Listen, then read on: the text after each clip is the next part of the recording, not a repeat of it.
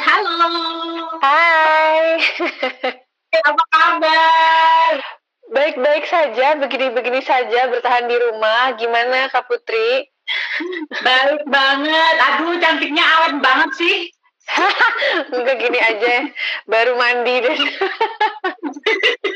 cantiknya. Kayaknya kita bi bisa langsung mulai aja kali ya. Udah jam 8 nih. boleh, boleh, boleh. Oke, sebentar aku kasih pin dulu ya di sini biar teman-teman nanti kalau ada yang telat buat dengerin bisa langsung tahu nih kita lagi ngobrolin apa. Kita ngomongin apa? Oke. Iya, oke. Saya mau sapa dulu teman-teman yang udah ada di sini. Terima kasih teman-teman semua. Kita malam hari ini Unala Talk uh, live IG akan bareng sama artis muda yang keren banget, cantik banget. Ya Allah, Kak Rachel. Amanda. Hai. Nah, Kak Rahel ini juga uh, aktif di uh, Youth Advisory Panelnya UNFPA ya, Betul. saat ini ya. Ya, Oke. masih, Nah, masih, Kak, masih. uh, Ya, kita ada beberapa pertanyaan-pertanyaan titipan. Tapi sebelumnya kita ingin ini dulu deh, apa namanya, pengen uh, dengar cerita darimu dulu. Awal Mm. kamu berkarir itu seperti apa sih? Dari usia berapa? Kemudian kenapa sih tertarik buat uh, berkarir di dunia artis? Oke, pertama kali berkarir tuh sebenarnya istilahnya kecemplung sih, dicemplungin tante gitu. Karena uh, dulu tanteku tuh kerjanya di advertising gitu, dan kebetulan uh, di salah satu proyeknya beliau tuh tiba-tiba talent anak kecilnya tuh nggak bisa gitu, uh, batal gitu. Tapi di Hamin tiga atau udah Hamin sekian mau produksi syuting iklan itu gitu. Jadi uh, tiba-tiba aja gitu eh aku punya ponakan nih masih umur dua setengah tahun pada saat itu uh, Dua setengah tahun, dua Iya. setengah tahun. Ya ampun. jadi pada dasarnya ya my whole life hampir itu emang udah bakat banget dari balita bahkan balita loh dua setengah tahun batita ya gitu Uh, emang tapi emang pada saat itu sih kebetulan emang di rumah tuh udah ya mungkin bener kata Mbak Putri tadi gitu kayak udah udah kelihatan bakatnya yang seneng gaya-gaya depan eh, kamera depan eh sorry depan cermin gitu. Karena kan mungkin dulu bukan belum depan kamera gitu. Terus ternyata jadi handphone ya?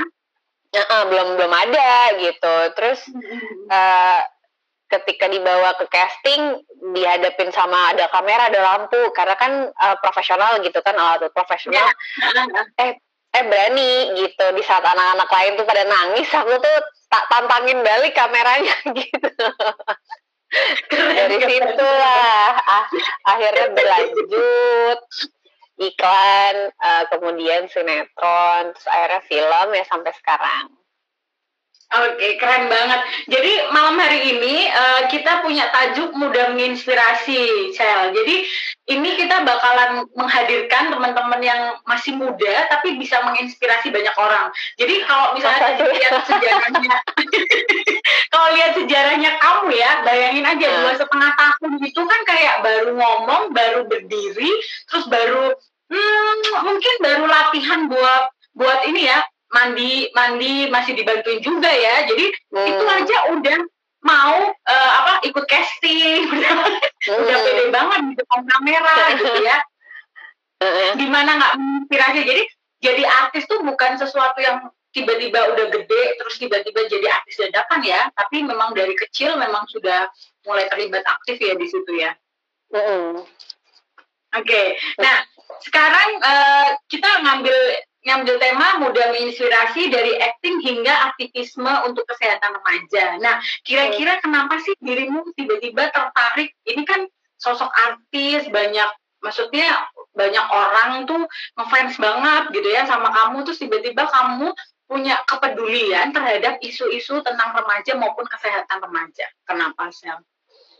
Eh, jadi awalnya eh, memang se pada pertama kali kenapa aku terlibat atau ikut di Youth Advisory Panel itu awalnya memang diajakin sama temanku sebenarnya yang sebelumnya adalah eh, Yap juga gitu di batch sebelumnya. Oh, juga. Mm. Ah, gitu. Eh, nah awalnya pun eh, walaupun aku udah punya ketertarikan dengan isu tersebut, cuman aku kayak masih ngerasa emang emang aku bisa apa ya gitu, uh, karena sebelumnya memang pernah uh, terlibat di satu film pendek gitu. Ini juga sebenarnya secara nggak sengaja dipilih sama salah satu uh, produser yang aku udah kenal.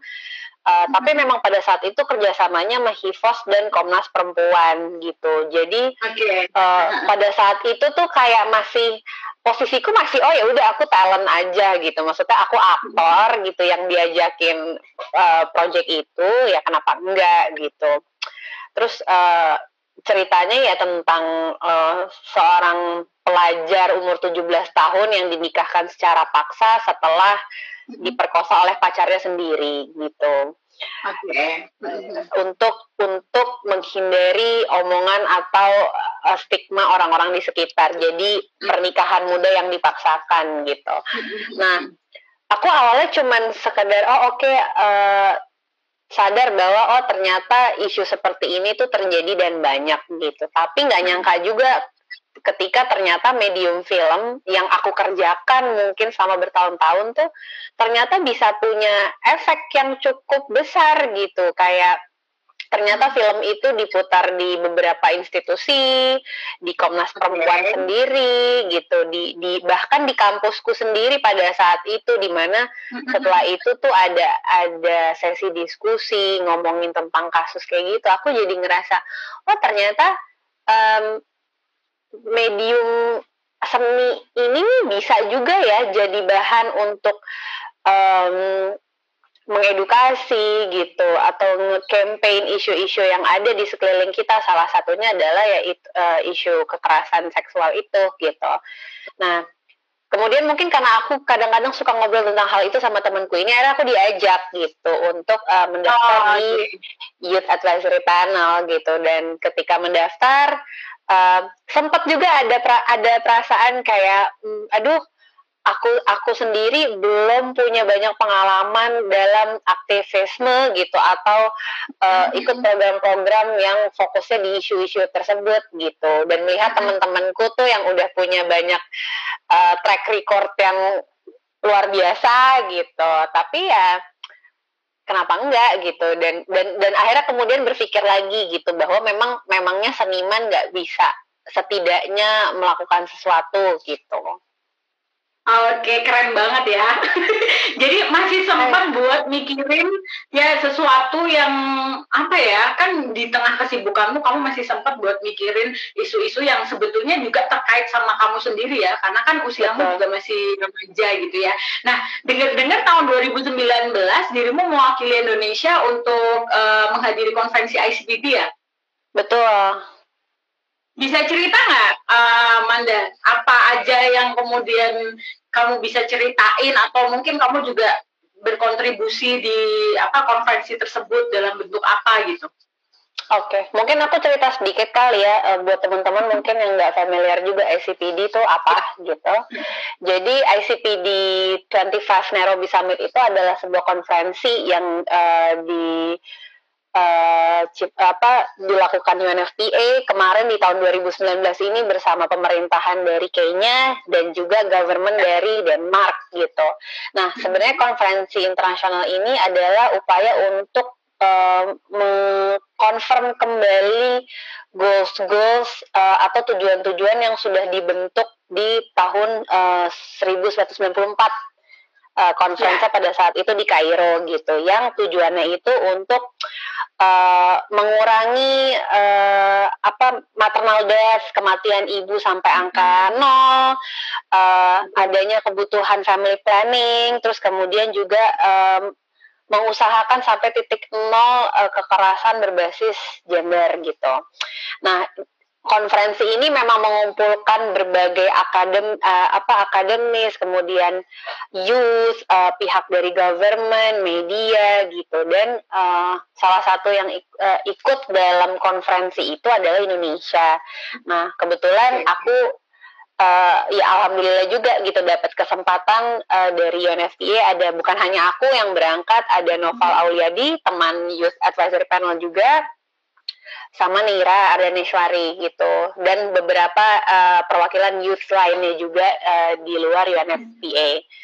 Nah di situ tuh uh, kita terlibat uh, kita ikut beberapa panel sebenarnya gitu hmm. mungkin ini aku akan sedikit nyontek ya karena aku kayak wow waktu itu panelnya lumayan banyak gitu apa aja sih yang pada saat itu kita uh, datang gitu ya pembicaraannya ya. gitu pada saat itu ada uh, yang pasti ada panel tentang uh, comprehensive sexual education gitu hmm. terus uh, kemudian ada uh, male and boys engagement in SRHR gitu. Jadi ketika kita ngomongin tentang sexual reproduction health rights, kita kadang-kadang hmm. suka uh, kita banyak sekali obrolan atau diskusi tentang uh, perempuan, tapi kadang-kadang male dan boys tuh juga masih luput gitu bahwa hak yeah. bahwa mereka juga punya hak-hak gitu. Kemudian mental okay. health. Nah, karena aku anak psikologi, yang sebenarnya sampai sekarang masih mencoba mengingat-ingat dan belajar lagi apa aja yang aku pelajarin gitu selama kuliah uh, mental health sih memang isu isu yang termasuk baru sih gitu dalam pembahasan ini gitu. Maksudnya belum belum sebanyak itu. Terus kemudian uh, di sana para speaker saya membahas tentang bagaimana kalau kita bikin program yang approach-nya tuh wellness based bukan illness gitu. Jadi tidak harus uh, tunggu ada gangguan atau sakit dulu gitu untuk youth untuk bisa sampai uh, mencapai apa uh, minta bantuan profesional gitu.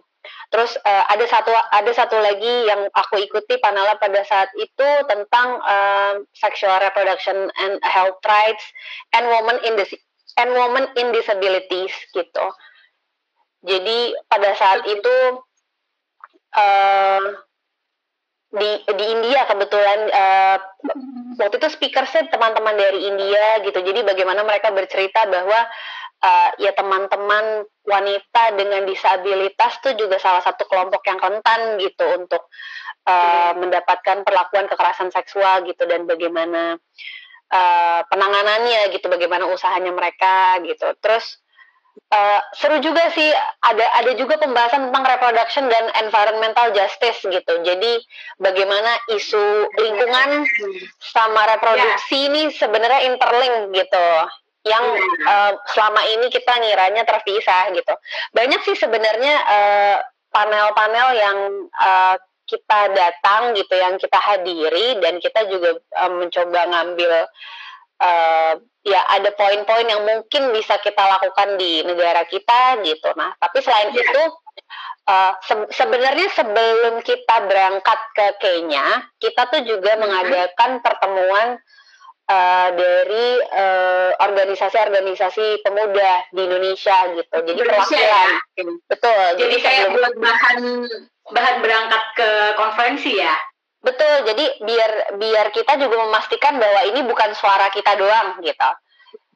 Eh, bukan bukan hanya dari YAP uh, sendiri gitu, tapi dari ya. berbagai uh, organisasi pemuda yang kita usahakan uh, dari seluruh Indonesia gitu.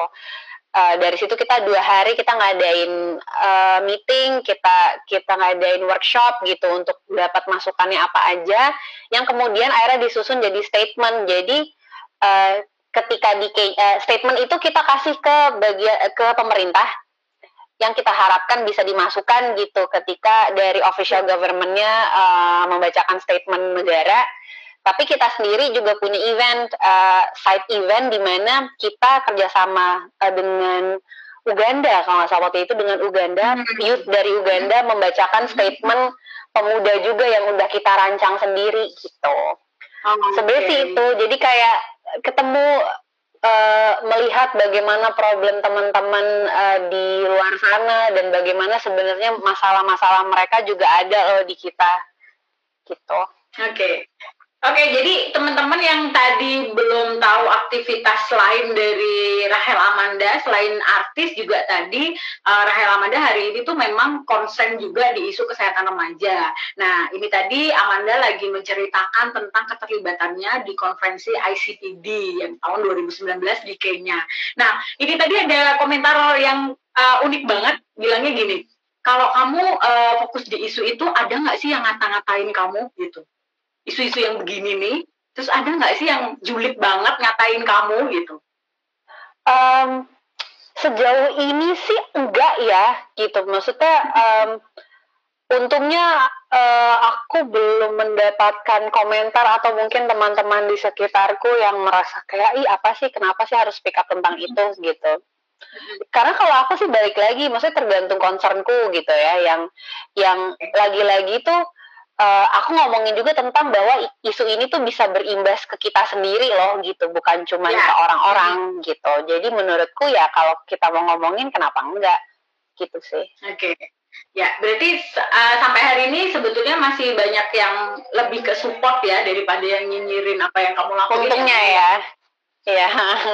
Ini kayaknya kayaknya yang datang ini tuh uh, fans-fansmu deh. Ada yang nyebutin kamu sebagai Tadi ada yang pengen kamu nyanyi juga loh.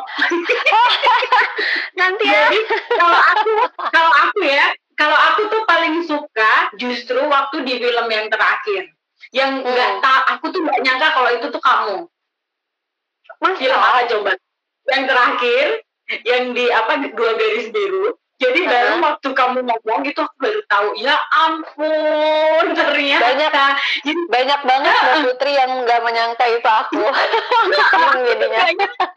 Itu aku nggak nyangka banget terus baru pas ngomong kayak pernah ngerti ini oh astaga. Nah. Jadi aku nyariin kan ada nama uh, di buku itu ada namamu. Tapi yang sebelah mana dicari-cari hmm. ya ampun terus pas udah juteknya keluar udah itu udah kelihatan banget. Oh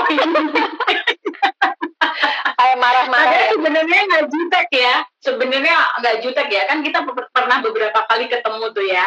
Uh -uh Sebenarnya nggak jutek sih, tapi keren banget Terima kasih Mbak Putri. Nah mungkin itu kali ya yang yang sa salah satu menurutku salah satu yang aku syukuri ketika aku terlibat dan belajar sampai sekarang masih belajar sebenarnya di di YAP ini gitu adalah ya itu bagaimana ternyata pro, uh, apa yang aku lakukan di karirku film tuh bisa interlink dengan dengan kegiatanku di YAP gitu. Salah satu contohnya adalah dua garis biru itu gitu. Maksudnya itu fil itu project yang sama sekali uh, tidak aku duga sebelumnya gitu dan bukan project yang aku berusaha terlibat karena aku sudah di YAP gitu, bukan. Tapi um, Mbak Gina Esnur gitu penulis dan sutradara uh, menurutku adalah salah satu uh, penulis dan sutradara yang concern juga terhadap isu itu gitu. Dan yeah. bagaimana bagaimana pandangannya sebagai uh, seorang ibu gitu.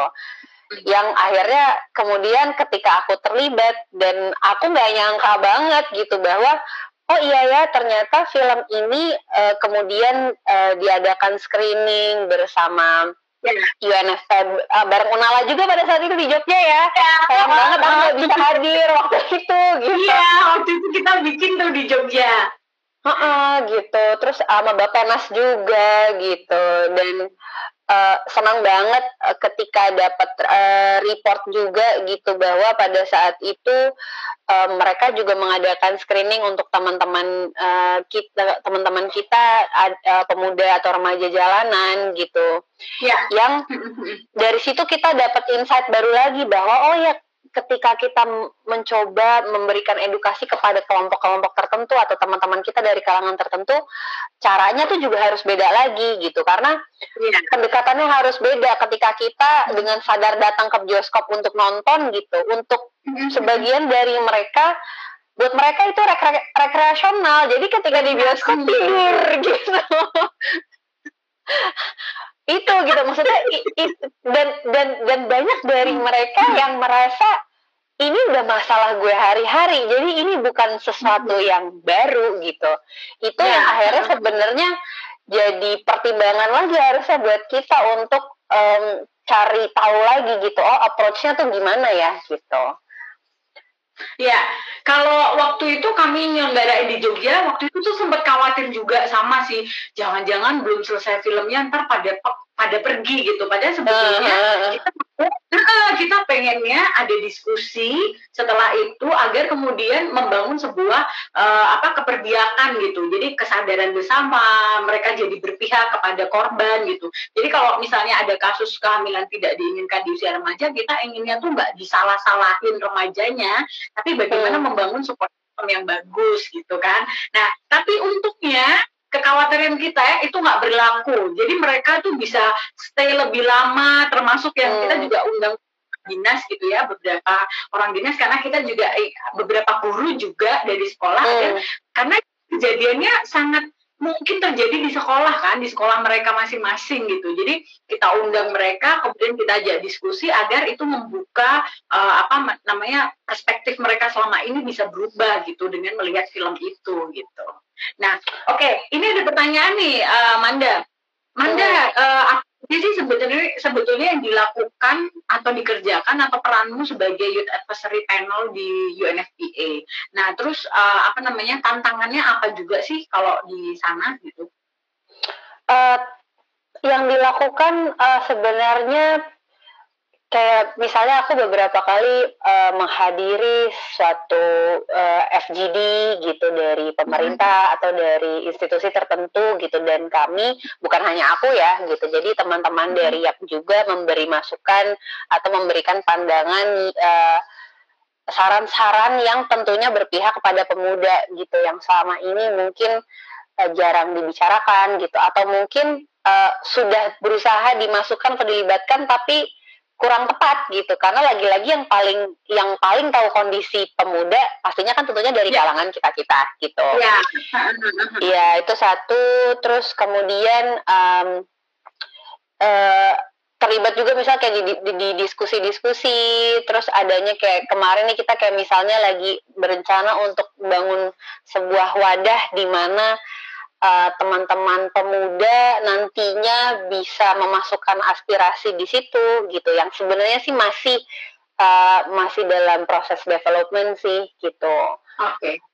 Gitu. Itu sih kurang lebih gitu. Mungkin teman uh, dan uh, dan yang pasti menurutku juga kita tetap bekerja di bidang kita masing-masing sih gitu kayak misalnya aku tetap sebagai aktris, teman-teman mungkin yang uh, lebih aktif dalam advokasi gitu. Terus uh, kayak misalnya kemarin sempat juga ngom uh, ngomong tentang bagaimana uh, posisi gender uh, gender dalam media gitu. Bareng teman-teman okay, waktu yeah. itu bareng konferensi di Plan Indonesia kayak gitu-gitu. Jadi okay. uh, apa ya? Banyak hal sih sebenarnya yang masih aku pelajari juga gitu. Oke, okay, tapi luar biasa loh. Maksudnya uh, dirimu masih muda, kemudian uh, paham soal isu kesehatan yang sebenarnya relate banget sama kehidupanmu sendiri dan juga kehidupan teman-teman remaja. Jadi kalau misalnya aku setuju banget kalau misalnya pemerintah atau apa pun kebijakan yang mau dikeluarkan itu kan memang lebih baik mengajak diskusi teman-teman kalau misalnya untuk remaja ya untuk remaja gitu kan. Hmm. Jadi remajanya juga buat diskusi jadi ngerti maunya apa gitu. Jangan tiba-tiba udah ada programnya terus kemudian aduh ini ternyata nggak cocok nih. Ini ya, remaja zaman sasaran gitu ya. Gitu ya. Kan udah maju banget. Nah ini nih ada pertanyaan nih kak merasa jadi beban nggak sih kalau capek karena banyak kegiatan? Kan ini tadi udah jadi artis ya kan? Pas yang kita tahu pasti tahu sendiri jadwal syuting kayak gimana terus masih uh. masih punya waktu buat mikirin orang lain gitu. Salah satunya aktif biak gitu kan. Mungkin kalau sekarang di satu sisi uh, tanpa mengu tanpa merendahkan kondisi yang ada sekarang ya ketika COVID-19 itu banyak justru banyak sekali teman-teman kita termasuk aku gitu yang terdampak uh, tapi memang pada akhirnya waktunya juga jadi lebih uh, fleksibel sih gitu karena kan kita juga mau nggak mau lagi nggak bisa ke mana-mana ya gitu. Nah, apalagi Jakarta kan? Ini masih hmm, Jakarta nih. Hmm. Masih masih gitu. Jadi uh, otomatis kegiatannya sebenarnya banyak berkurang gitu. Cuman memang untungnya uh, ada beberapa uh, kerjaan yang masih bisa aku lakukan secara mobile dan waktunya memang lebih fleksibel dan kalau misalnya ada diskusi tentang uh, untuk kebijakan, untuk program YAP ke depannya masih bisa dilakukan secara online kan gitu. Jadi okay. sekarang mungkin masih baik-baik aja sih. Ya ini mungkin agak mata panda sedikit tapi iya. ya dari tadi banyak yang komentar banget ya itu kenapa sih kok bengep-bengep itu kenapa mata panda kayaknya tuh capek banget sih ini kurang tidur ini kayaknya, sih guys tapi ah, nggak apa-apa kok. jadi kan kita selama karantina mandiri ini ini tuh kayaknya kacau banget ya jamnya ya. Jadi kayak mm. tidur kan jadi nggak kerasa oh, udah jam berapa? Jadi aku aja kadang jam 2 baru tidur gitu. Terus nanti pas subuh udah bangun. Jadi kayaknya memang itu ngaruh banget ya. Nah, uh, nyambung ke nyambung ke situ sebetulnya. Nah, gimana sih cara kamu nih selama krisis ini, krisis ini gitu, biar tetap produktif? Karena ini pasti banyak pertanyaan dari semua teman-teman. Yang dulu kita kalau ngakses Instagram, ngakses Facebook itu kayak nyuri-nyuri waktu ya, maksudnya pas lagi kerja, uh bentar aja nyuri. Tapi sekarang tuh ya, sampai bosen ya, karena apa? nah itu gimana tuh biar tipsmu biar tetap produktif buat teman-teman semua tuh? Um, ini cukup susah sih gitu ketika kita mau ngomongin uh, produktif karena uh, again yang menurutku yang harus kita ingat adalah lagi-lagi kita nih bekerja di era krisis, di era pandemi gitu. Jadi bukan situasi yang normal. Jadi ketika kita mau ngomongin produktif dalam kondisi normal dan kondisi COVID-19 tuh menurutku nggak bisa, kurang bisa disamain ya gitu. Jadi okay. ketika menurutku ketika ada masa-masa yang kita ngerasa uh, cukup draining atau lelah gitu yang lagi-lagi kadang-kadang bukan karena fisik gitu bukan karena kita yeah. punya keterbatasan waktu mm. tapi karena ya again kita punya kecemasan gitu kita punya kekhawatiran gitu menurutku sih kalau lagi merasa seperti itu penting untuk diterima aja gitu Uh, jadi uh, se misalnya gini kalau kalau misalnya aku nih aku kadang-kadang berusaha oke okay deh besok aku mau gini, mau ngerjain ini ini ini ini gitu. Yang kadang-kadang uh, kalaupun nggak dapat uh, semuanya cuman ketika dapat setengah gitu atau dapat bahkan seperempatnya aja karena sisanya ada ada rasa uh, apa ya ya khawatir gitu ada rasa cemas gitu bahwa kapan sih ini berakhir atau apakah mungkin ini akan jadi new normal gitu. Menurutku sih itu udah bagus banget gitu.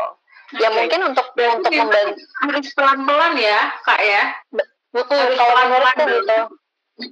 Dan dan lagi-lagi dan lagi-lagi menurutku ya gitu. Yang akhirnya aku juga berpikir bahwa gini, um, again sebagian sebagian dari kita punya kesempatan uh, bekerja secara leluasa di rumah, tapi ada juga ya. teman-teman kita yang mungkin masih punya tanggung jawab dan pekerjaan di luar, atau hmm. ada teman-teman yang uh, kondisi di rumahnya kurang kondusif misalnya gitu. ada isu-isu yang terjadi di rumah. Nah itu tuh sesuatu yang pada akhirnya jadinya buatku kita nggak bisa apa ya menyamaratakan produktivitas itu sendiri ya. sih gitu.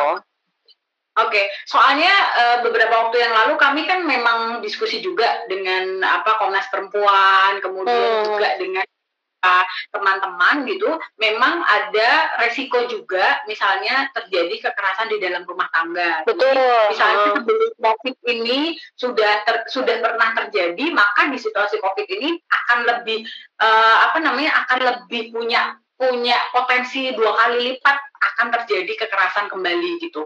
Itu baru kekerasan dalam rumah tangga, belum lagi hmm. kekerasan seksual. Jadi misalnya si anak udah pernah jadi korban kekerasan seksual, nah sekarang harus kumpul sama pelaku gitu ya dalam waktu yang lama, dalam waktu yang kita nggak tahu nih sampai kapan nih krisisnya gitu. Maka kemarin kita juga adakan diskusi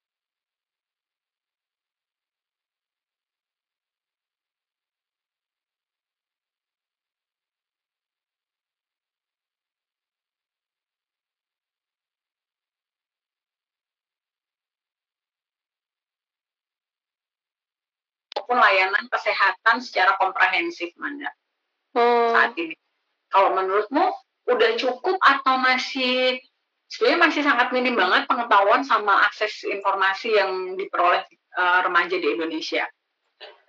Kalau aku sebenarnya uh, menurutku pribadi ya gitu. Maksudnya mm-hmm. untuk teman-teman yang menyuarakan dan dan dan rajin dan nggak lelah untuk mengadvokasi tentang ini tuh banyak gitu. Tetapi mm-hmm. lagi-lagi itu sih informasi dan cara e, cara-cara bagaimana ketika untuk mendapatkan bantuan tuh menurutku ya maksudnya aku pribadi sampai sekarang juga masih kok kayaknya minim ya gitu. Yang aku tahu Nala malah yang punya aplikasi tentang ini.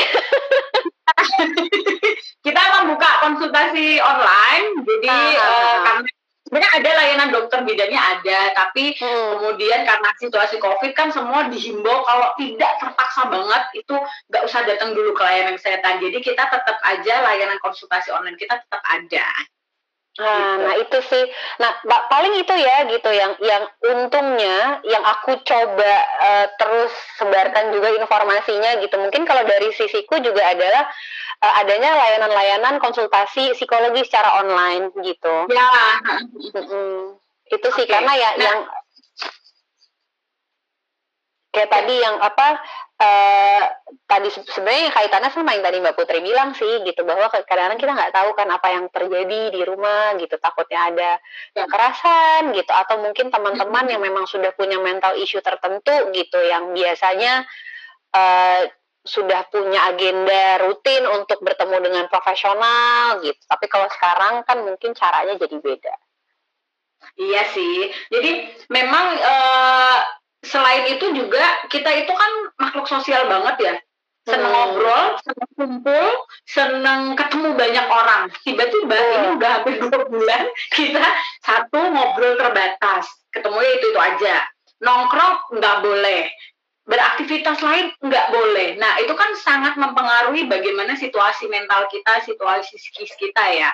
Nah, ini ada teman yang bertanya, menurut Manda dibanding negara lain, bagaimana perkembangan Indonesia mengenai isu remaja? Apakah hmm. lebih baik atau sama aja? Kan tadi kan uh, Manda sempat cerita ikut konferensi ICPD gitu ya. Hmm. Nah, terus dengar dari pengalaman berbagai apa namanya dari remaja berbagai negara gitu. Nah, kira-kira menurut Manda kita itu di mana sih posisinya lebih baik dari mereka atau sama atau kita malah justru jauh ketinggalan gitu dibandingkan negara lain? Hmm, kalau mau memposisikan kita di mana, uh, sejujurnya aku juga kayak masih mencoba melihat ini ya gitu, maksudnya mencari tahu gitu. Tapi kadang-kadang ada ada beberapa negara, seingatku gitu ya, terutama yang di bagian uh, uh, benua Afrika pada saat itu gitu, yang pada saat 2019 kemarin berarti ya gitu. Jadi aku belum tahu update-nya sekarang gitu.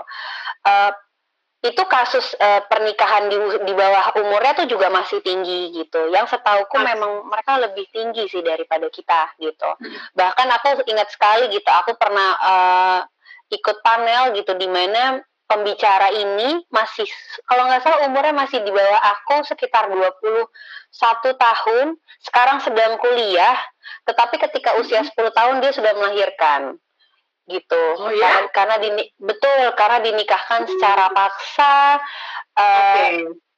dan uh, umur 10 tahun gitu ya maksudnya uh, usia-usia yang yang baru puber gitu bahkan mungkin itu usia iya.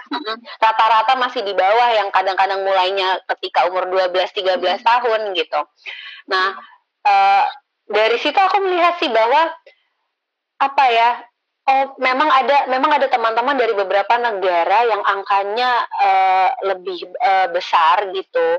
Bukan hanya mm-hmm. tentang kehamilan di bawah usia, tapi juga adanya okay. uh, apa?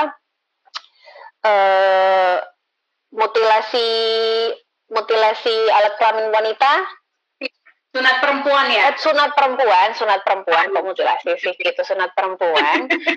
Ya aku perempuan. kenapa aku bayangan mutilasi gitu. Terus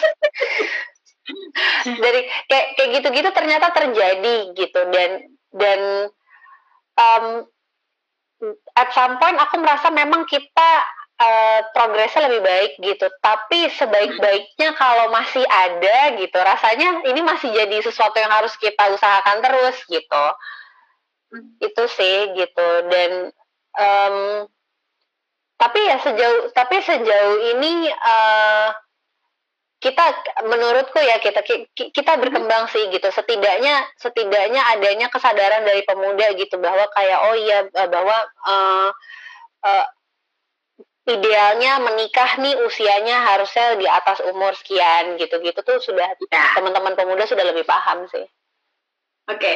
nah ini nyambung aja ke situ ya, uh, Manda kalau tadi dirimu bilang usia yang tadi lebih muda dibandingkan usiamu dua tahun, berarti kira-kira usiamu, tapi masih remaja kan dirimu ya, usiamu. Nah, di tengah usiamu itu, kemudian uh, kita kemarin habis ada isu soal menaikkan usia perkawinan ya dari hmm. yang dulu 12 tahun gitu ya, jadi 18 ya.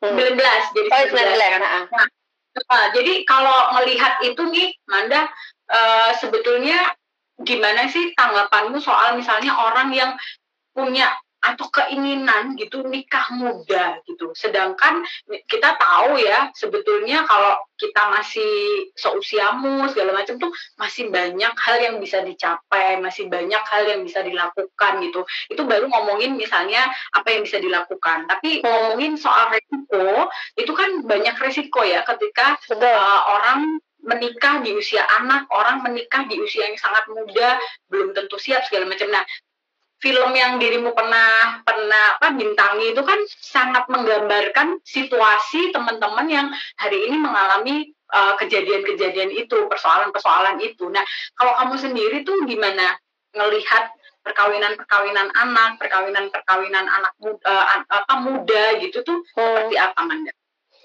Oke, di satu sisi sih pasti ketika kita ngomongin tentang pernikahan, pasti kan ada akan ada rencana uh, reproduksi gitu ya, uh, untuk punya anak, punya keturunan. Ya, yang harus dipertimbangkan kan adalah ketika usia tertentu secara biologis mungkin uh, alat reproduksinya belum siap gitu, atau bis, belum bisa bekerja secara optimal itu. Terus kemudian di luar itu menurutku uh, bagaimana kondisi mental gitu hmm. karena bahkan misalnya aku pribadi ya gitu kayak usia aku sekarang 25 tahun. Uh, okay. kita mem kita memang tidak bisa uh, menyamakan kesiapan seseorang dalam menikah gitu tapi lagi-lagi itu faktor yang harus uh, dipertimbangkan gitu siapkah aku secara mental gitu bahwa setelah ini akan ada hal-hal bahwa aku akan um, pasti akan ada kompromi dengan pihak lain gitu. Bukannya artinya membatasi apa apa keinginanmu ya atau apa rencanamu gitu. Tapi harus siap gitu bahwa uh, ini kayak bangun organisasi baru loh gitu bahwa kita akan kita akan uh, punya satu institusi lagi di mana kita harus invest emosi, kemudian keuangan juga pasti gitu. Nah, ini yang apalagi tentang ekonomi ya gitu yang kadang-kadang uh, mungkin teman nggak semua teman-teman gitu, tapi kebanyakan teman-teman uh, di luar sana yang dinikahkan uh, dalam usia yang masih muda banyak banget yang tujuannya untuk memperbaiki ekonomi, di mana sebenarnya ya. itu hanya rantai yang akan mengulang uh, apa kondisi ekonomi yang yang yang lebih buruk gitu. Karena secara pendidikan mungkin belum selesai gitu. Belum selesai kuliah belum punya uh, kesempatan kerja yang layak gitu. Nah itu sih yang harus dipikirkan gitu. Terus ya. apalagi ya menurutku itu sih gitu. Jadi penting banget untuk uh, istilahnya ya cross check lah sama diri sendiri gitu. Secara reproduksi uh, secara biologis sudah siap belum gitu secara mental uh, sudah tahu belum resiko-resikonya apa aja gitu. Oke. Okay. Ya, Manda boleh tahu nggak sih dulu uh, apa namanya bagaimana mendiskusikan ini gitu dengan orang tuamu? Respon orang tuamu gimana nih misal pada saat kamu terlibat apalagi isunya kan bagi sebagian orang itu masih sangat tabu ya ngomongin soal kesehatan reproduksi. Nah, boleh tahu nggak sih gimana mendiskusikan lalu respon orang tuamu itu seperti apa sih? Kan menarik nih buat teman-teman yang lain belum tentu orang tuanya itu terbuka terhadap isu ini. Iya, iya. Iya. Tetap aja sih gitu. Maksudnya tetap ada hal-hal yang orang tuaku um, setuju gitu dengan bukan setuju ya, ya maksudnya orang tuaku untungnya tipe yang yang anaknya ketika mau terlibat dalam kegiatan apa pun selama itu positif gitu uh, mereka akan mendukung-dukung aja gitu. Tapi tetap aja ada pandangan-pandangan yang yang pasti beda sih gitu dari dari orang tua gitu. Kayak misalnya gini sesederhana um, uh, apa ya ketika misalnya aku aku membicarakan tentang alat kontrasepsi gitu. Kayak aku pribadi punya value yang aku coba pegang gitu. Uh, value tertentu yang coba aku pegang, tetapi bukan berarti aku tidak boleh memberikan informasi tersebut ke teman-teman di sekitarku yang yang mungkin mempunyai value yang berbeda denganku gitu. Kayak misalnya um, uh, di keluargaku uh, keluarga misalnya gini keluargaku tidak mendukung uh, perilaku atau kegiatan seksual intercourse sebelum menikah gitu. Okay. Nah, tetapi ketika dan ketika aku meng, mengiyakan value itu gitu, tetapi bukan artinya kita harus menghambat informasi mengenai uh, apa aja yang bisa dilakukan ketika teman-teman yeah. memutuskan untuk uh, uh, sexually active gitu dan itu penting sih gitu untuk uh, aku mungkin kalau di orang tuaku sendiri tidak terlalu uh, banyak pembahasan yang mendalam. Cuman untungnya aku dari kecil uh, sudah sempat dijelaskan itu oleh kakekku yang kebetulan objin Oke, okay. gitu. Jadi, ya, jadi betul. Jadi beruntungnya tuh aku itu gitu yang dari umur enam tahun tuh sudah ngerti dengan konsep reproduksi yang sebenarnya untuk sebagian orang tua masih terlalu kecil gitu bahkan dulu orang tua tuh kaget sih gitu kayak hah yeah.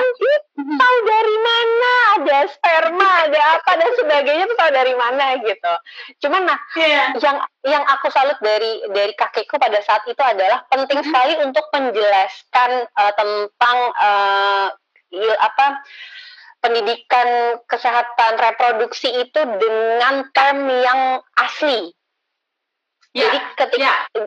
uh, uh, jadi dari dulu tuh aku sudah dijelaskan bahwa ini vagina gitu, ini vulva gitu, ini bukan bukan memak menggunakan bukan istilah ini lain itu, gitu ya. Iya, ah, gitu, bukan ini itu, bukan bukan anu, bukan apa. Gitu kan? Uh, gitu. Jadi dari dari kecil aku sudah cukup tahu gitu bahwa oh oke okay, ini uh, bahwa uh, orang yang dewasa atau yang siap atau yang secara sadar memutuskan untuk melakukan itu, oh tahu loh bahwa resikonya akan seperti ini, seperti seperti ini. Ya. Uh, mau mau mau melakukan atau setuju atau tidak itu ter, itu balik lagi kepadamu. Tetapi ada hal-hal yang harus kamu tahu gitu tentang alat reproduksi yeah. dan mm-hmm. dan tahu setidaknya tahu juga tentang um, alat reproduksimu sendiri gitu.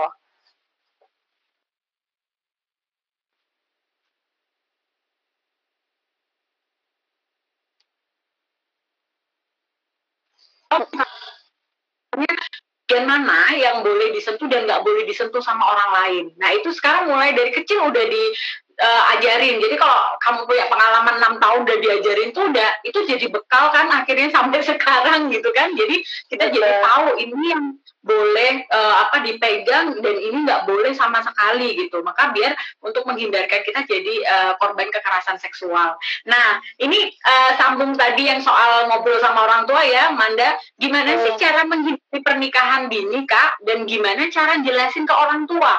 Jadi kadang-kala tadi uh, cerita dari temanmu yang 10 tahun dinikahin kan sebetulnya mungkin ada nggak ada keinginan dari kita, tapi kemudian kita tinggal di lingkungan seperti apa, keluarga seperti apa. Nah itu gimana cara cara misalnya kamu boleh kasih tips deh ke dia gitu. Oke. Okay. Betul. Uh, Sebenarnya lagi-lagi memang yang penting tuh uh, ketika kita ngomong tentang bagaimana cara meyakinkan orang tua itu kan sangat berkaitan juga sama bagaimana komunitas di sekelilingnya ya gitu. Okay. Jadi uh, karena kadang-kadang uh, apalagi budaya kita tuh budaya yang guyup banget gitu kan gitu.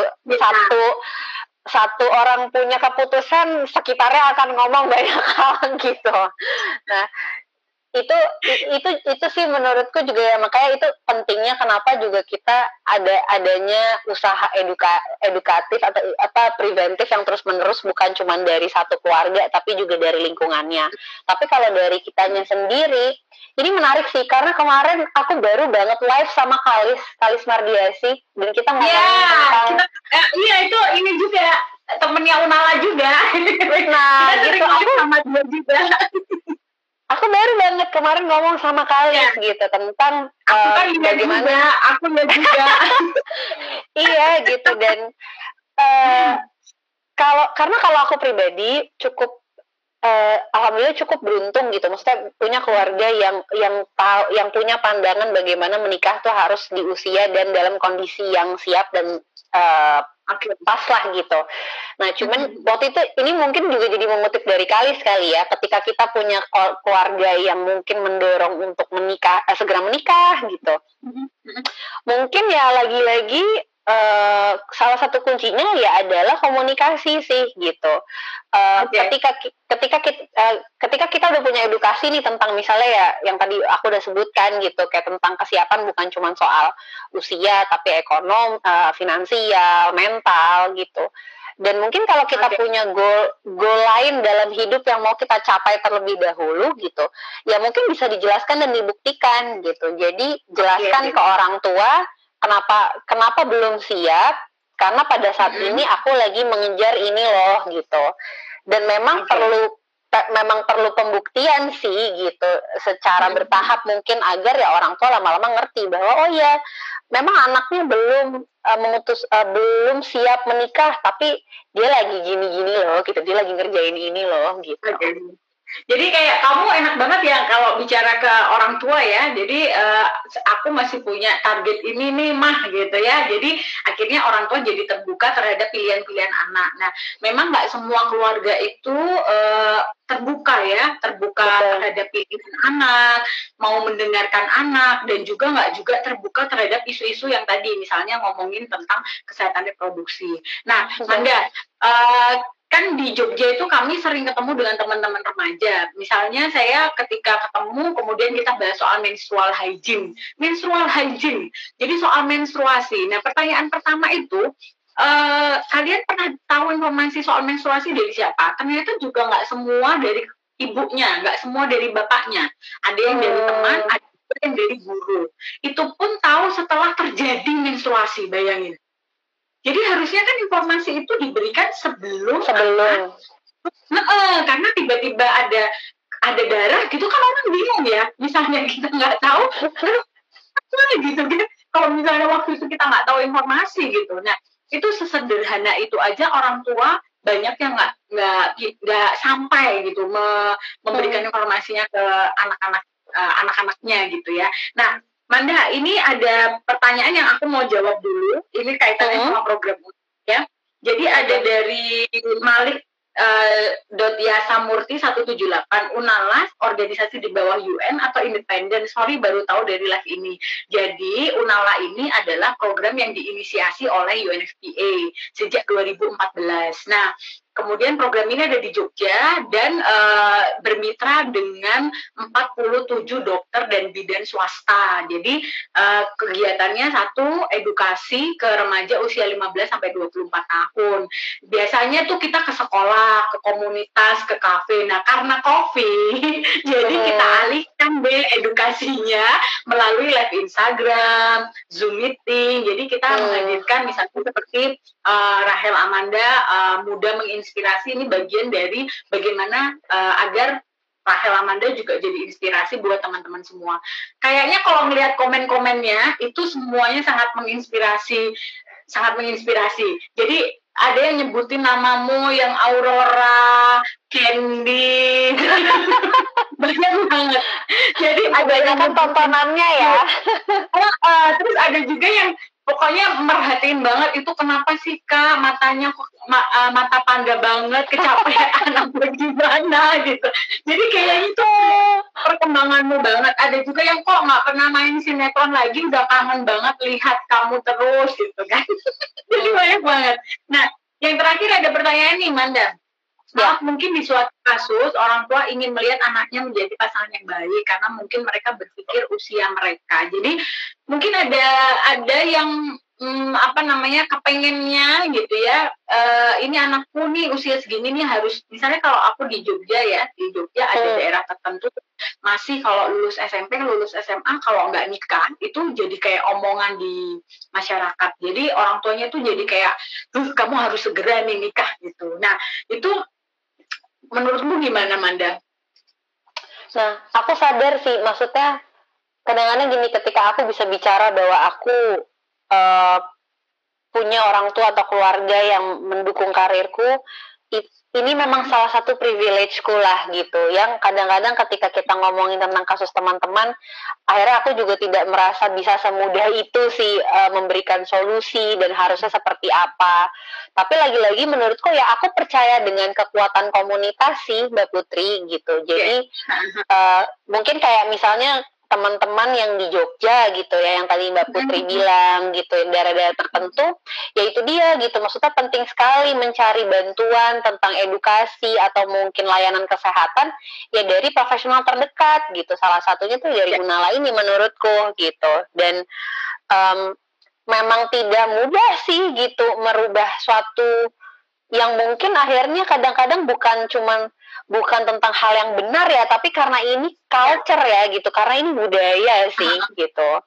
Dan ya itu gitu penting um, penting sekali sih bikin diskusi gitu dan dari anak maupun dari institusi resmi gitu uh, profesional gitu yang mau bicara ya. mau, mau membicarakan terus menerus tentang ini ke uh, ke keluarga terutama ke orang tua gitu jadi ya. memang nggak mudah sih teman-teman gitu kayak aku pun uh, walaupun di, di aku pun diberi ke, kebebasan kasar dari orang tua juga pasti ada hal-hal yang masih uh, berbeda pandangannya dengan orang tua gitu. Lagi-lagi ya, akhirnya yang kita perlu lakukan adalah ya komunikasi gitu. Terutama kalau teman-teman sudah tahu uh, secara ilmunya nih idealnya seperti apa gitu. Okay. Gitu teman-teman cari bantuan ke Unala. Ya.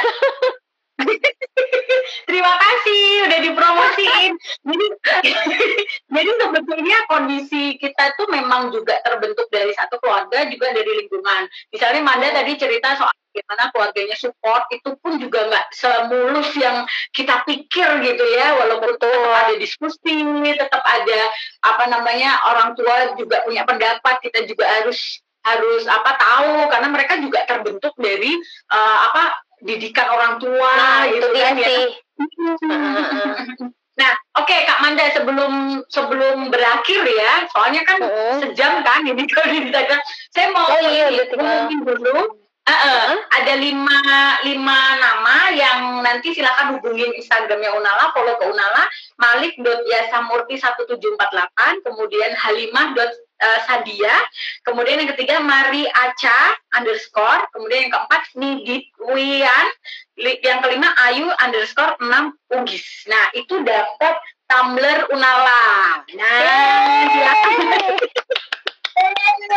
Nanti silakan DM ke Instagramnya Unala gimana caranya uh, biar tumbler ini bisa tak sampai ke tanganmu. Nah, udah gitu sekalian ya untuk yang mau konseling bisa konseling melalui DM Instagram, kemudian uh, inbox Facebook, inbox Twitter. Nanti yang akan jawab itu adalah dokter Mitra Unala. Jadi jangan khawatir yang jawab bukan saya. Jadi kita terusin ke dokter jawab. Atau bisa WA. Iya enggak, mungkin aku mau nanya juga uh, karena Unala sekarang sistemnya lagi banyak online, apakah ini hanya akan terbatas untuk teman-teman di Jogja atau justru di di luar Jogja juga jadi bisa, Mbak? Oke, okay, jadi kalau online silakan semua orang boleh ikut. Kemudian hmm. konseling ini sebetulnya target kita awalnya teman-teman remaja di Jogja, tetapi di hmm. situasi COVID ini kan semua orang kayaknya butuh uh, konsultasi, banyak yang butuh. Jadi silakan aja bisa WA ke 081 390. Nah, WA aja ke situ. Nanti yang akan jawab adalah dokter-dokter Mitra Unala. Jadi bukan saya, ya, bukan saya, bukan, bukan saya juga ya. Oke, okay, Amanda, terakhir, terakhir nih, pesan kamu buat remaja di Indonesia apa, dok? Silakan, Amanda. Hmm, pesannya ya, um, ya di di era di era pandemi saat ini gitu yang mungkin bukan situasi ideal ketika kita mau uh, mau mencapai sesuatu gitu ya yang pasti uh, we all in this together gitu. Jadi kayak uh, kita sama-sama menghadapi ini teman-teman tetap semangat juga. Kemudian um, ya yang salah satu mungkin yang bisa kita lakukan adalah ya dengan uh, mencari ilmu dengan ya salah satunya lewat sosial media seperti ini gitu. Atau mungkin mengikuti kelas-kelas online Zoom meeting yang Unala ya. atau mungkin institusi lain lakukan. Uh, terus um, cari tahu cari tahu lebih banyak tentang dirimu sendiri tentang hak-hakmu gitu. Tentang uh, ya hak-hak dengan hak-hak berbagai aspek. Salah satunya juga ya tentang reprodu kesehatan reproduksi seperti ini lalu apalagi ya? Hmm, mungkin ini juga saatnya untuk uh, lebih mencari tahu tentang bakatmu mungkin keinginanmu skillmu mengasah skill di rumah aja. Dan ini juga sih sama yang tadi aku bilang untuk teman-teman yang mungkin punya kondisi yang uh, kondisi yang tidak kondusif di selama di rumah aja atau merasa butuh bantuan secara mental maupun bingung secara informasi tentang uh, kesehatan reproduksi jangan takut untuk meminta bantuan profesional gitu. Jadi um, agar kita agar kita tahu bahwa kita masih bisa bantu satu sama lain meskipun jaraknya jauh Ya, terima kasih Amanda. Kita kasih aplaus dulu ya teman-teman. Ini kayaknya banyak banget yang suka banget sama kamu Amanda. Jadi banyak yang bilang sangat menginspirasi, keren banget. Aduh. Jam tuh kayak cepet banget ya. Nanti kita bisa ketemu lagi, kita bisa agendain uh, jadwal sama Amanda, misalnya di Zoom meeting segala macam ya. Masih terbuka kan Amanda? Boleh. Oke, nah oke okay, Amanda terima kasih sekali dari tim Unala, teman-teman Unala dan juga terima kasih buat teman-teman remaja yang sudah uh, ngikutin dan jangan lupa besok kita masih ada kelas, ada Zoom meeting, ada live IG juga, pantengin terus Instagramnya Unala. Terima kasih Amanda, sehat selalu ya. Unala, sehat selalu juga untuk Mbak Putri teman-teman Unala. Ya, terima kasih.